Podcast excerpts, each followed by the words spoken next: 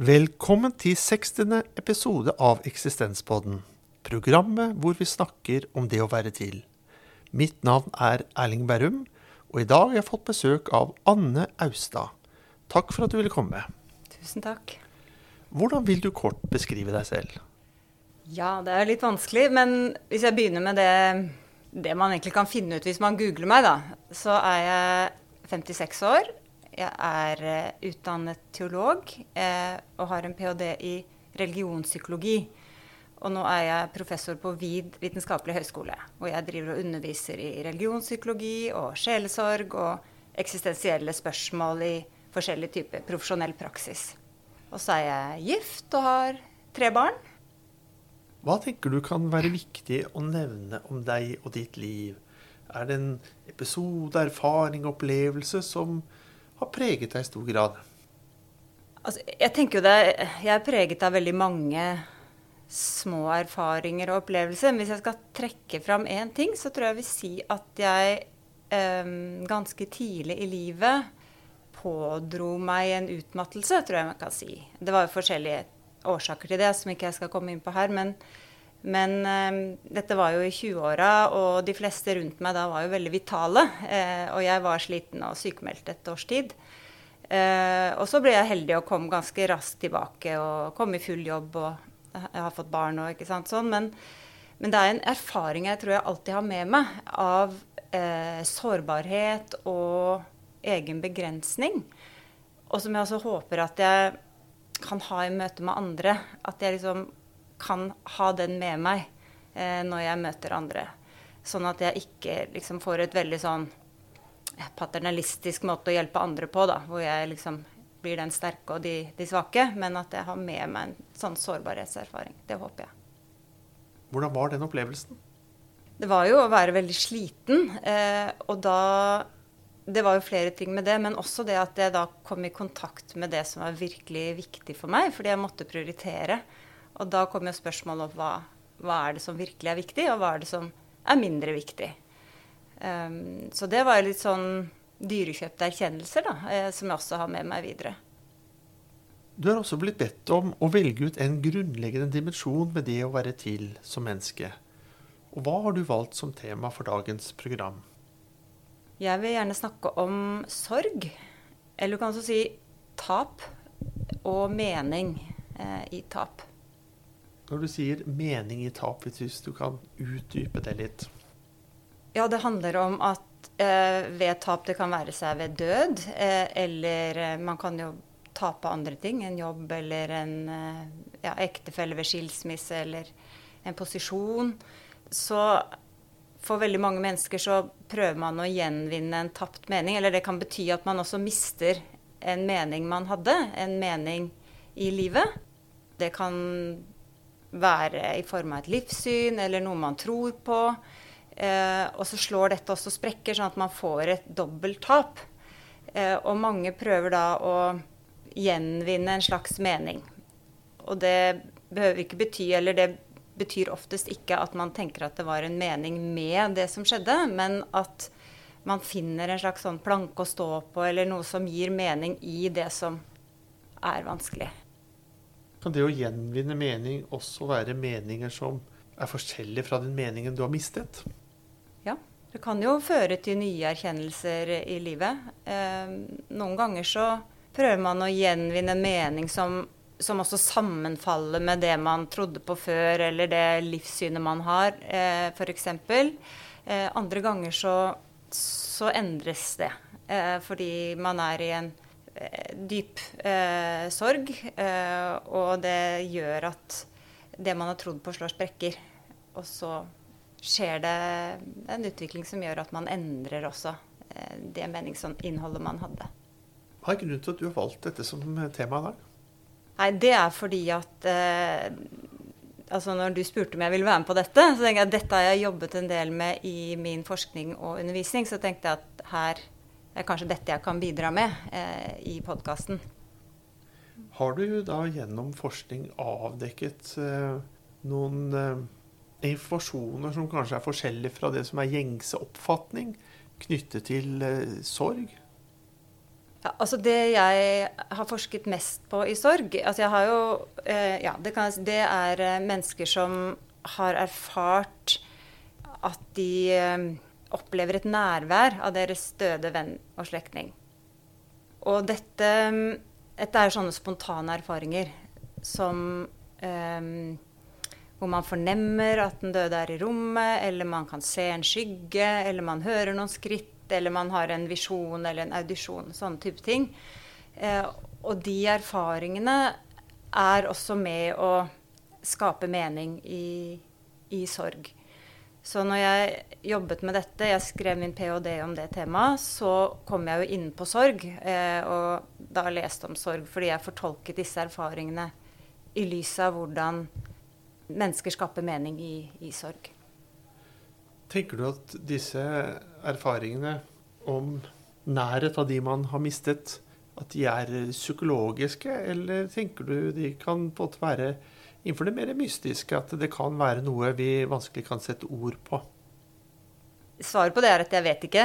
Ehm, jeg tenker det Altså det er helt klart psykologisk. Altså det er jo noe som foregår eh, inni hodet, og det er jo tydelig at dette er eh, Når man ser en død venn eller slektning, så ligner de på slik de var da de levde, eller man gjenkjenner dem. Så det er noe som foregår det, inni hodet. Eh, men det, jo, det, betyr ikke at det ikke er noe utenfor, som en mystisk erfaring eller Det har ikke jeg tatt stilling til i den forskningen jeg har gjort. Og det er jo et ikke-empirisk spørsmål eh, som jeg ikke kunne besvare ved den type eh, forskning eh, som jeg gjorde, da, som var mer sånn fenomenologiske studier av hvordan folk opplevde det. Og jeg så mer på funksjonen av det for sorg. Altså hva betyr dette for sorg, og hvordan bruker man dette for å skape mening? Jeg husker eh, Jeg har jo to typer erfaringer, eller tre typer erfaringer i denne forbindelse. Når min bestefar døde, da fikk jeg en sånn opplevelse av at han var utenfor verden. Liksom sånn oppi skylagene, på en måte. Og min far, eh, når han døde, så opplevde jeg nesten at han tok bolig i meg, for jeg kjente meg igjen så veldig mye av min far i meg selv, i det eget utseende og i speilet osv. Og så når lillebroren min døde, så der fikk jeg mer en, en sånn drøm, som du sier, en sånn åpenbaring. Hvor han ikke sto opp fra de døde, men han sto opp fra livet. Og det er sånn som du sa, det hjalp meg. Ja, og det sier jo de fleste når man spør dem. Altså hvis man gjør sånn Det er gjort flere litt større kvantitative undersøkelser om det. Mm. Og da er prosent på sånn mellom 85 til 95% i disse studiene som sier at dette har vært til hjelp på en eller annen måte. Og da kan det være alt fra sånn praktisk hjelp til å ja, finne ting man har mistet, eller eh, råd, altså ikke kjøre i den svingen, og til det å kjenne på et nærvær og fortsatt bli sett, eh, oppleve en spirituell berikelse, eh, løse opp i skyld. Altså det er mange typer spørsmål som dette kan hjelpe med. Og så er det en liten prosent som opplever dette vanskelig. Jeg vet ikke om jeg fant mening. Jeg bare, det føltes godt, hvis du skjønner? Ja. Man kan jo ha en opplevelse av mening uten at man har en tenkt mening. Av og til er mening noe man bare fornemmer. Eh, og det kan også være noe man gjør med kroppen. F.eks. For i forskjellige ritualiseringer så kan man gjøre mening med kroppen. At det ikke er sånn at nå har jeg tenkt ut et eller annet. ikke sant, sånn koherent system hvor mitt livssyn og mine erfaringer liksom stemmer overens. Men Eh, hvor dette passet veldig godt i forhold til det livssynet de hadde. At man tenkte at ja, den døde er et sted. Eh, om det er i en himmel, eller man tror på reinkarnasjon. at de eh, Eller man tenker de henger igjen et sted. Altså det er for, all, mulig forskjellige typer livssyn eller syn på hvor man er etter døden. Hvor dette korresponderte, eller erfaringene korresponderte med det man trodde før. Eh, men så var det jo andre hvor det ikke korresponderte med det man trodde før. Og da var det litt vanskeligere å få til å gå opp, fordi man tror ikke på at den døde finnes noe sted. Og da var det bl.a. en av mine informanter som sa at da Jeg tror det bare foregår inni mitt hode. Altså dette er en sånn feilkobling. Men den formen for mening Man snakker jo gjerne om mening i sorg. Så skiller man Eller ikke skiller, men man har to dimensjoner, da. Og det ene er dette med å sense-making, altså if it makes sense. Altså det har en forståelse. Eh, og da er det jo særlig dette med om det Om man kan ikke forklare det, men forstå det i lys av det livssynet man har, eller hva man tenker om ens plass i universet, eller hvem, eh, hvem man er som menneske. Og det andre er hvilken betydning altså hva, hvilken betydning har dette for meg. Det som du var inne på i stad, at det var til hjelp for meg. Og jeg, de fleste mener da at dette har en betydning, altså mening i form av det betyr noe for meg. Det var viktig for meg at det skjedde. Olaf Bull, poeten, han sa i sin tid at eh, for hver venn som dør, så blir min verden mindre. Og kan disse fenomenene man da opplever, være et uttrykk for et ønske om en verden du ikke ønsker skal bli borte.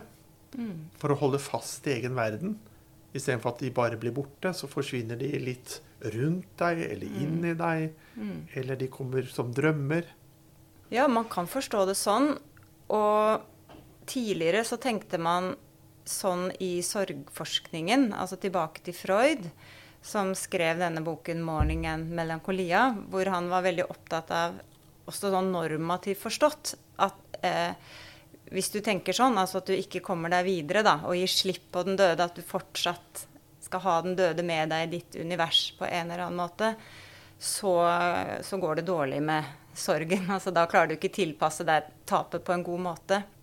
Så har det jo kommet et paradigmeskifte i, i denne måten å tenke på i sorgteoriene, hvor man nå tenker mye mer at det å ha den døde med seg, eh, ha en fortsatt relasjon eller fortsatte bånd, eh, og ha et såpass relasjonelt syn på mennesket, at det man ser da fra empiriske studier at det ikke nødvendigvis fører til noe høyere sorgsymptomer, eller at man ikke klarer seg så godt eh, som de som gir mer slipp.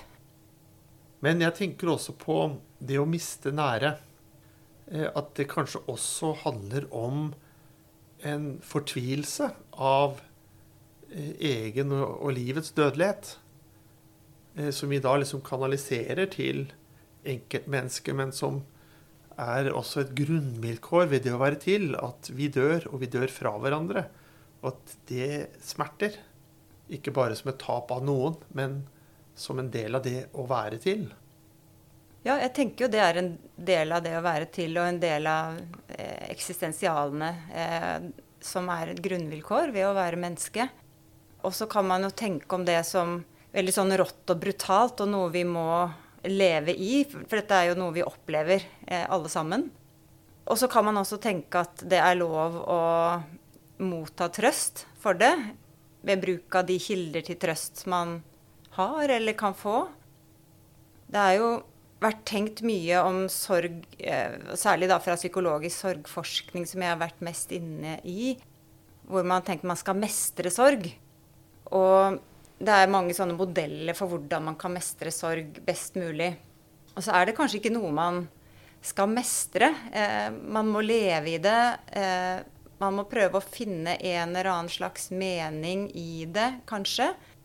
Eh, kanskje skal det være helt meningsløst. Og nå mener jeg ikke en mening med det, altså, at det er en sånn stor mening bak det som skjedde, men, men finne noen sånne brokker av mening som, som, man kan gjøre at man kan leve videre. Og også dette som jeg tenker det å kunne motta trøst det, og lindring, at det ikke behøver å nødvendigvis ødelegge det liksom rå og brutale som, som det er, da. Og, og, eh, eller jeg tenker begge deler. Det er jo både den opplevelsen av det veldig opprivende, og samtidig eh, være åpen for at det kan være trøst og lindring. Og det er det jo en del som opplever gjennom disse erfaringene som, som jeg har fortalt om nå i stad.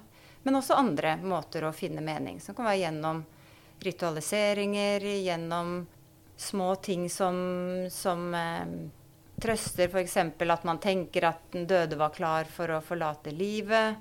Eh, at man opplever at den døde lever videre i ens minner. Man tenker på det gode den døde hadde gjort, eh, og sånne type ting. Eh, som, som, er med og, og gir en trøst, da. Det å snakke til en gravstein, er det noe som kan gi mening? Ja, det tenker jeg. For noen gjør det det.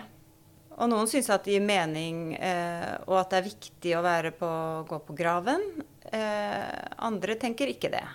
At det er andre steder hvor man kommer nærmere den avdøde eh, og opplever at, da, ja, at man har en slags kontakt eller et minne.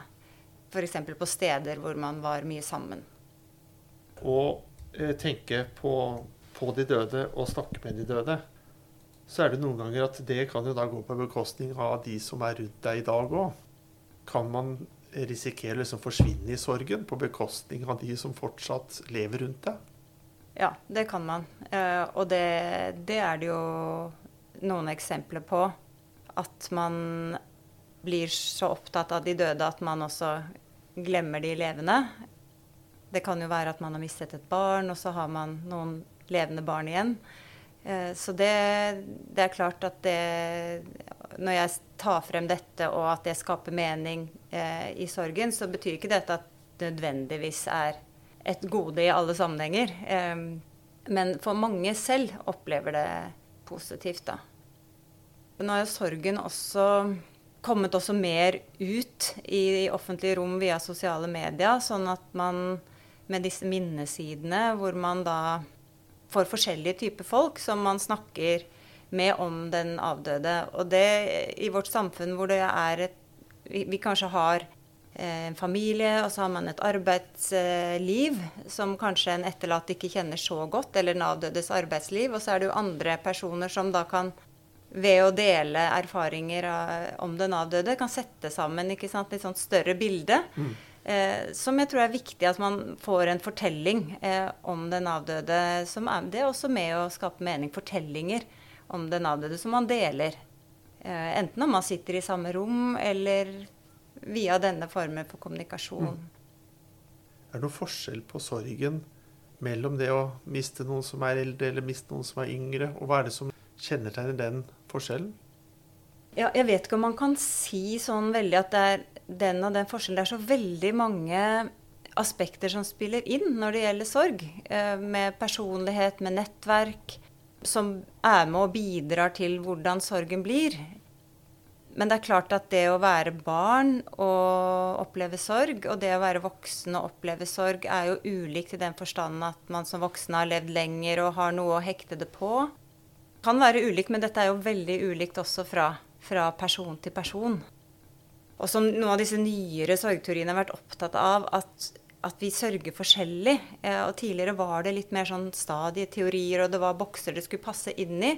Og, og, det ble en litt sånn tvangstrøye for noen. At man, man, liksom følte at man sørget ikke riktig, og det måtte være sånn og slik. Og hvis jeg var ute og viste at jeg var glad, tenk om noen trodde at jeg ikke sørget nok. Kanskje det så ut som jeg ikke var glad nok i, i mannen min som jeg mistet, eller sånne type spørsmål. Så det har jo vært et anliggende for nyere sorgteorier å, å løse opp litt av dette, da.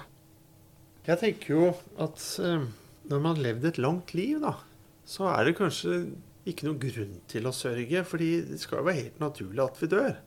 Så hvis du dør etter et langt liv og er passert 90, bør vi sørge? Kan vi ikke feire også vel så mye da? For et langt og rikt liv? Jeg opplever nesten at vi skal liksom sørge uansett. Ja, jeg syns absolutt vi kan feire, og det har jeg jo vært med på flere ganger. Eh, å være i sånne type begravelser eh, til gamle mennesker som har levd et godt og rikt, meningsfullt liv. Og hvor eh, det kan være et savn etter vedkommende. Eh, og, og, det skjer noe. Det er mange som forteller om hvis man mistet en foreldre i, i høy alder, så blir man selv eldste generasjon. ikke sant? Og, og sånne type refleksjoner rundt det. Men, men, eh, at det er mye å feire, ja. Det tenker jeg vi også kan gjøre. Vi kan gjøre begge deler. Jeg pleier jo noen ganger etter en begravelse å si at eh, jeg tenker at den som nå er død, hadde satt veldig pris på å være her sammen med oss. Og da gjerne hvis man dør i ung alder, da. Og satt pris på livet. Så jeg tenker det er liksom kanskje noe av det viktigste vi kan gjøre da, for å vise respekt for de som dør tidlig er å glede oss over livet og sette pris på livet. Samtidig som det kan være tungt å bære. Det er en krevende øvelse og krevende balanse å få til det. Har du vært i situasjoner hvor det har vært utfordrende, hvor du både er sorgtynget, men du vet også viktigheten av verdien og liksom verdsette livet, som nettopp har eh, gitt deg sorg?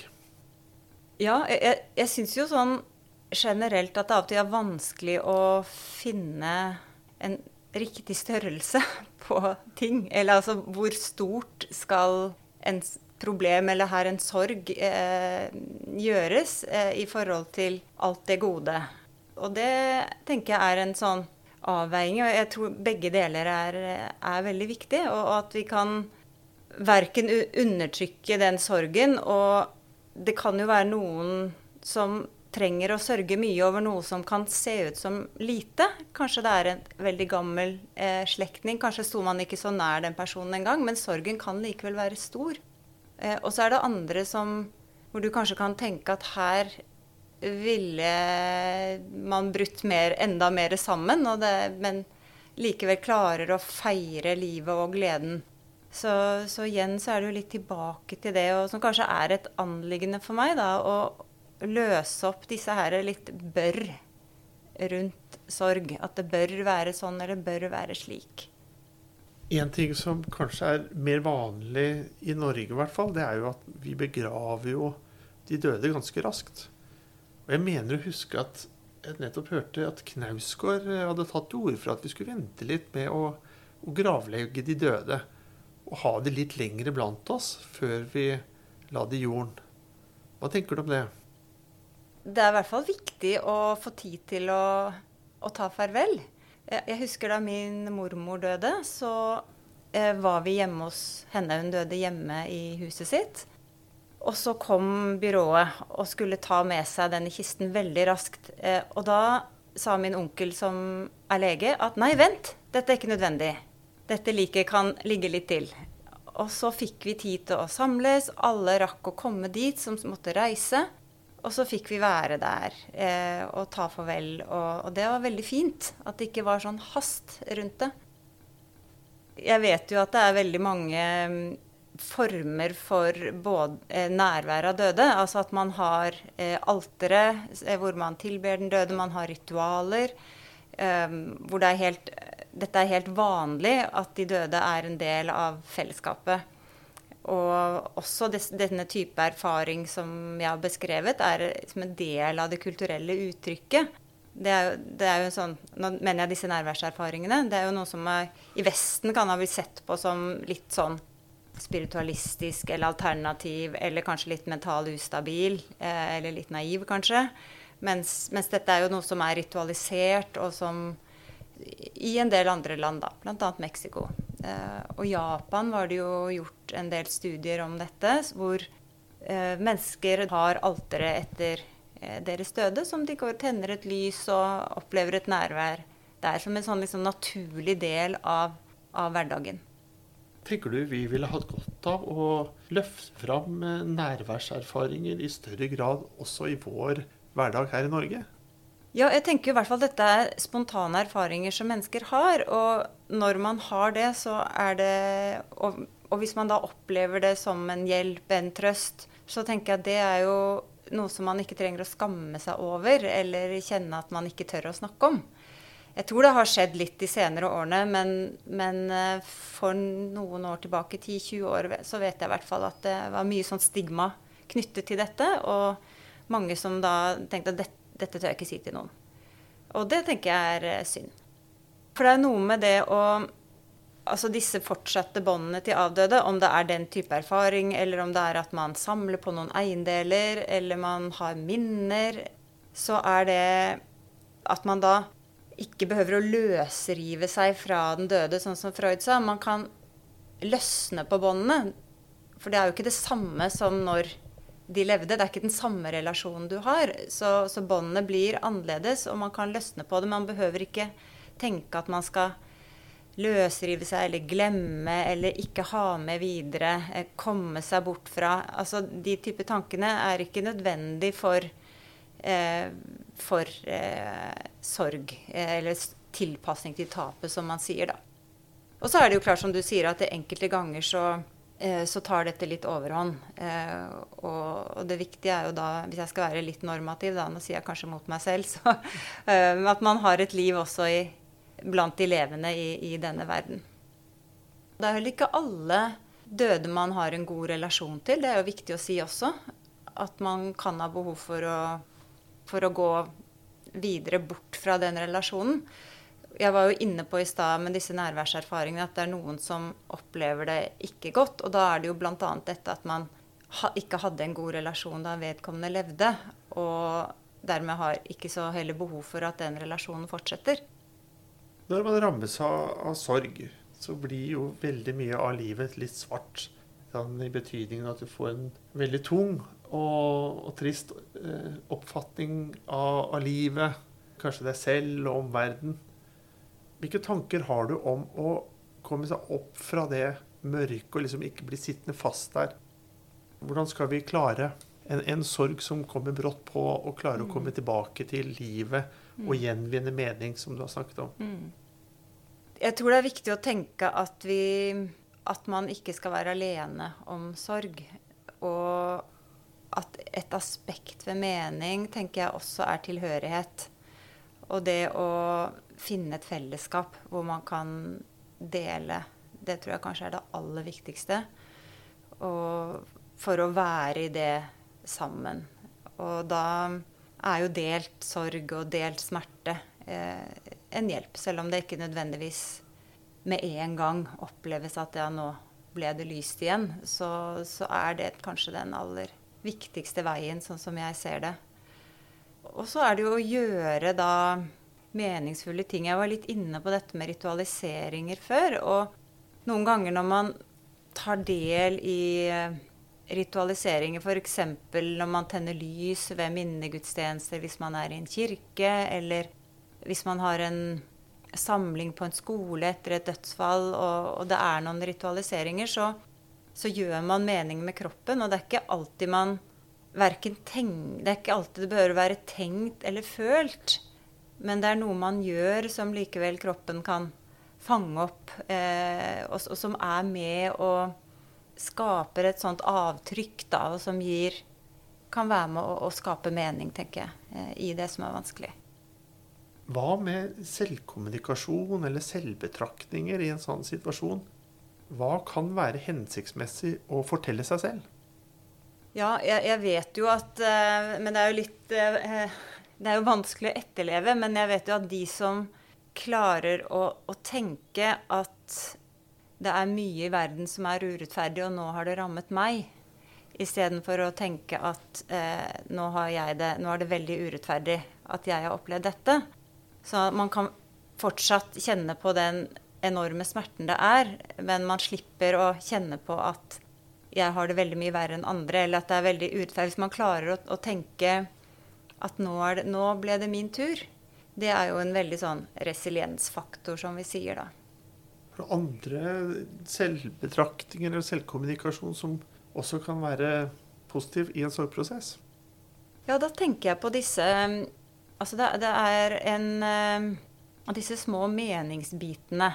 Det er jo en sorgforsker som heter Robert Niemeyer, som har jobbet veldig mye med sorg og mening. Og han, har også, han og hans team eh, har eh, prøvd å kartlegge ulike former for mening som mennesker skaper i det som er vanskelig. Men også det som man tenker er meningsløst. For det er jo også noen som opplever at 'dette finner jeg ingen mening i'. Dette er bare helt meningsløst. Og, og det er sånne små, sånne små isflak man står på da, på, på vannet når det, man er ute og det er eh, sjø. Um, det kan være sånn disse tingene som jeg, jeg nevnte i stad. Jeg har noen eksempler her. Altså, han lever i våre minner. Han var en god person. Han var en viktig person. Eller dette førte oss nærmere sammen som familie. Jeg tar ikke livet for gitt mer. Jeg tror jeg er blitt mer medfølende. Altså disse tingene som man kan fortelle seg selv, og som da henger sammen med det man kan også oppleve gjennom en sånn prosess, og kanskje gjennom et fellesskap, er jo også ting som man i tillegg til å oppleve det i fellesskapet, kan fortelle seg selv. Og det er en del som får de sånn skjerpede verdier og nye prioriteringer i livet etter man har opplevd sorg. Man ser hva som er smått og hva som er stort, og hva som man vil omprioritere, kanskje. Du snakket og viste også til Heideggers eksistensialer. Jeg mener også at han har sagt at vi skal bruke døden som en frigjørende erkjennelse eh, hver dag, og se livet i dødens perspektiv. Gjør du bruk av eh, døden på en frigjørende måte noen ganger? Ja, jeg tror det.